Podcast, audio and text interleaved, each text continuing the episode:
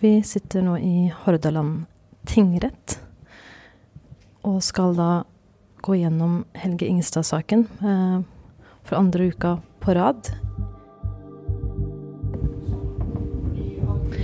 Tiltalte har på seg en, den marineblå offiseruniformen fra Sjøforsvaret i retten hver, hver dag.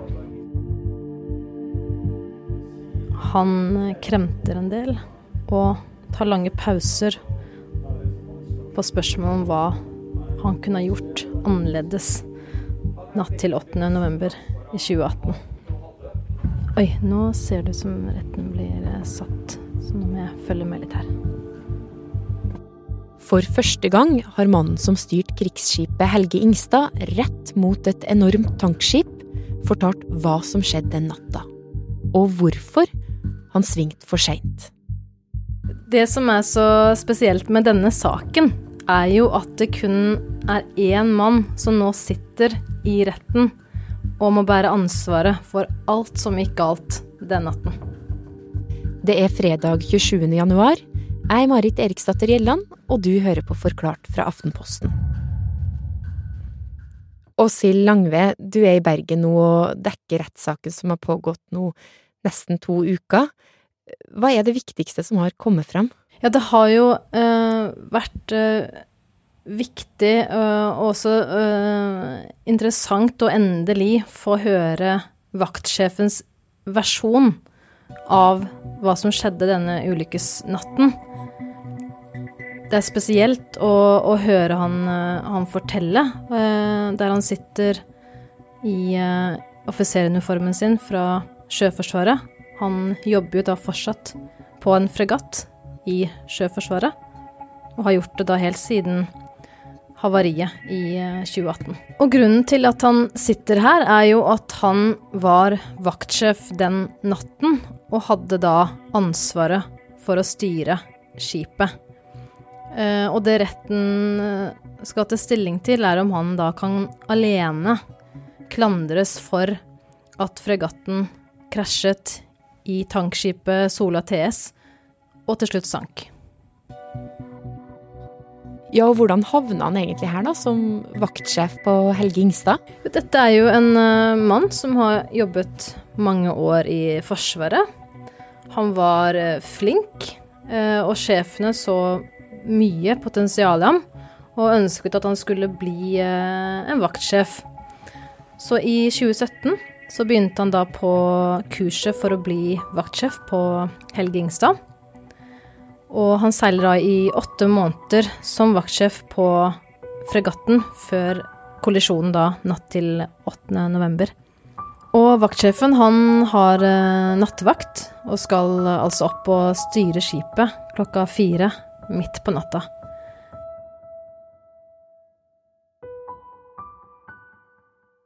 Men alt var ikke helt normalt uh, denne kvelden. Uh, vaktsjefen våkner før vekkerklokken begynner å ringe.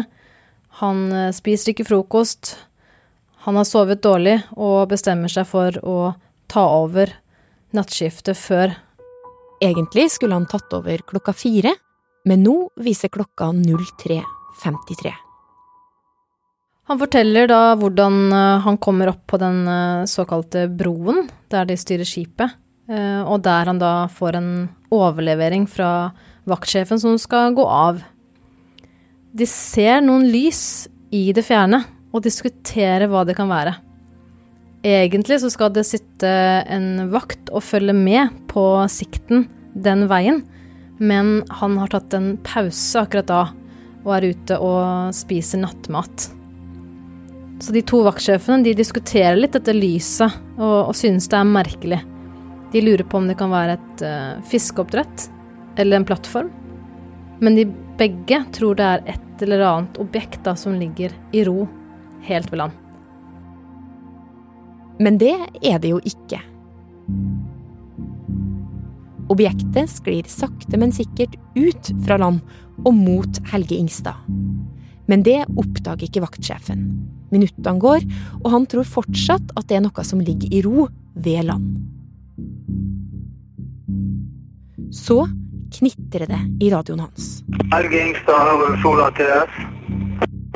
Det er mulig Helge Ingstad. Han kom inn i nord eh, for eh, en stund tilbake. Han får beskjed om å svinge inn mot land akkurat der lysene kommer fra, men det gir ikke mening, for der ligger det jo noe i ro. Så han holder bare kursen sin. Er det du som kommer her? Ja, det stemmer. Ja, å på med en gang.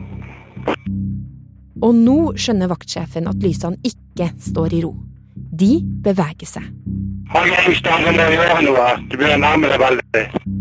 Han svinger unna, men det er noen sekunder for seint. Fregatten, fullasta med missiler, torpedoer og mennesker, kolliderer med et tankskip fullasta med olje. Og i lugarene under dekk våkner folk av et brak, at veggene presser seg mot dem, og at vann lekker inn. Og de tror at de skal dø.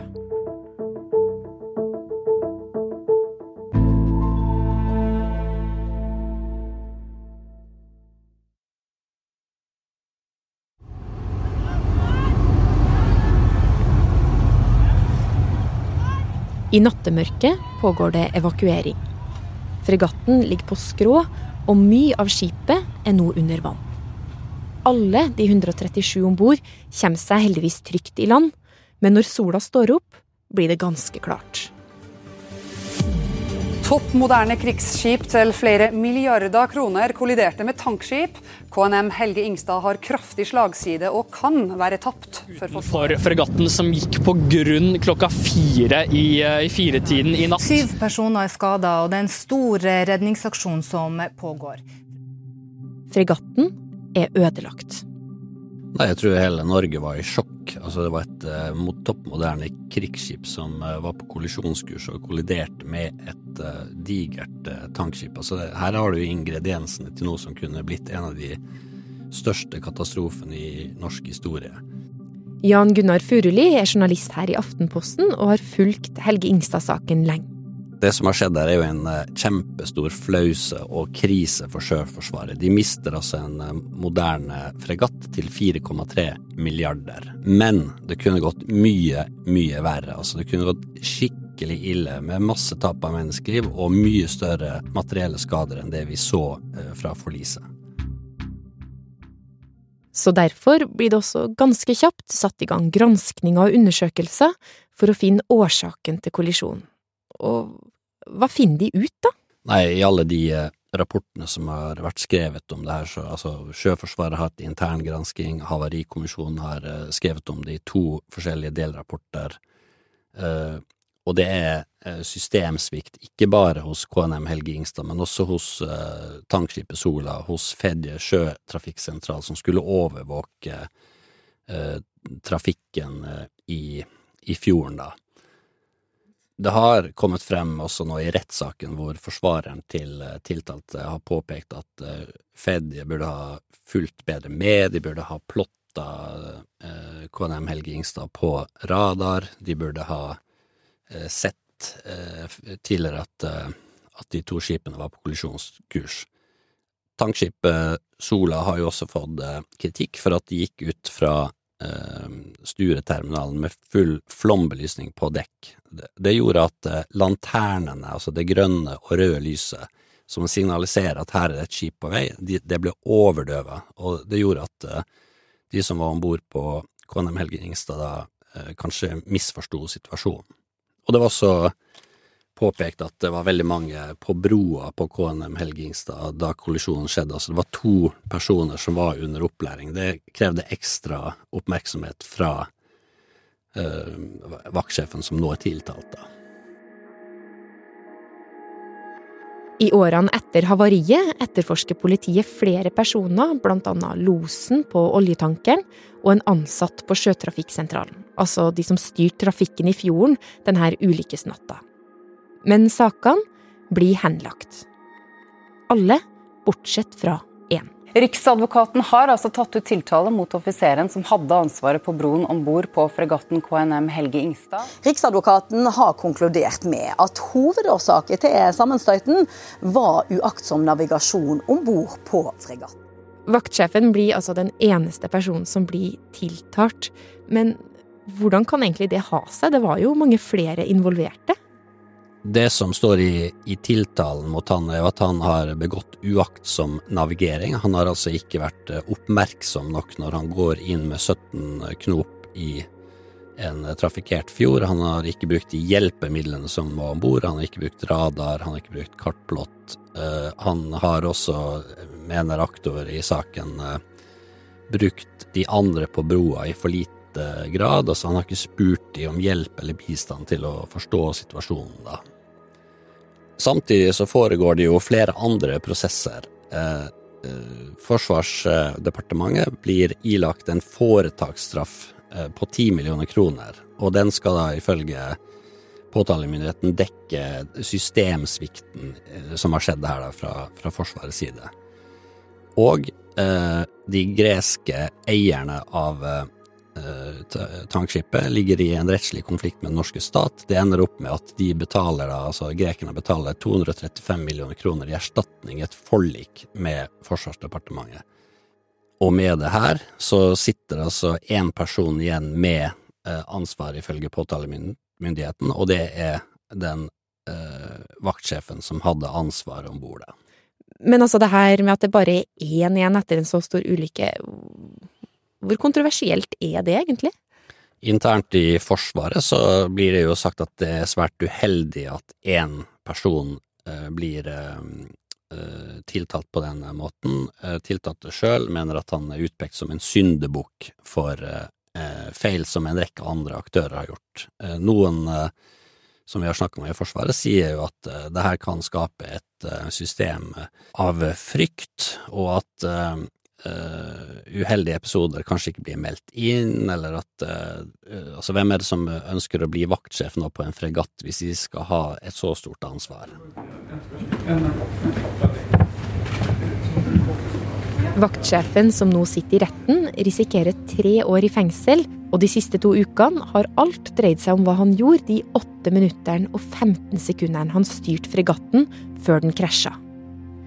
Og Åshild, hva sier han selv, da?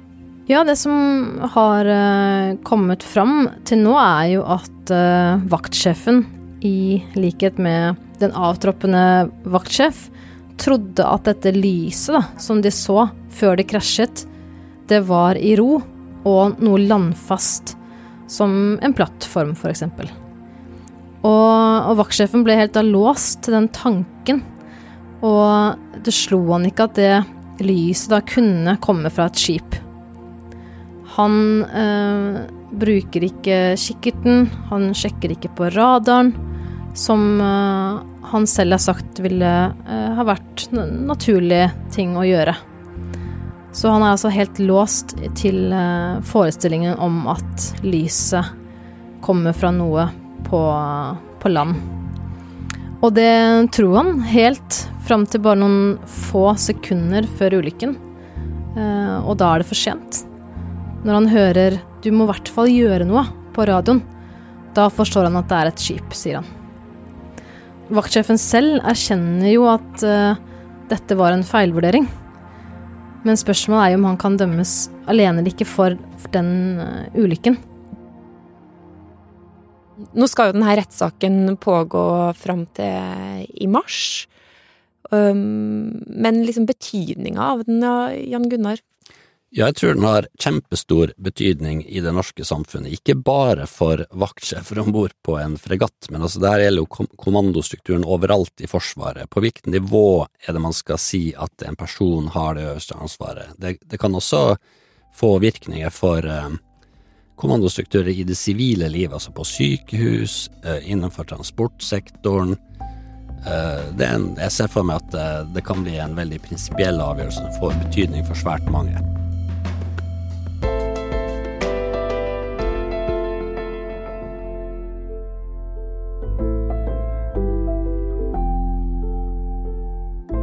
Jan Gunnar Furuli og Åshild Langve dekker rettssaken etter Helge Ingstad for oss her i Aftenposten.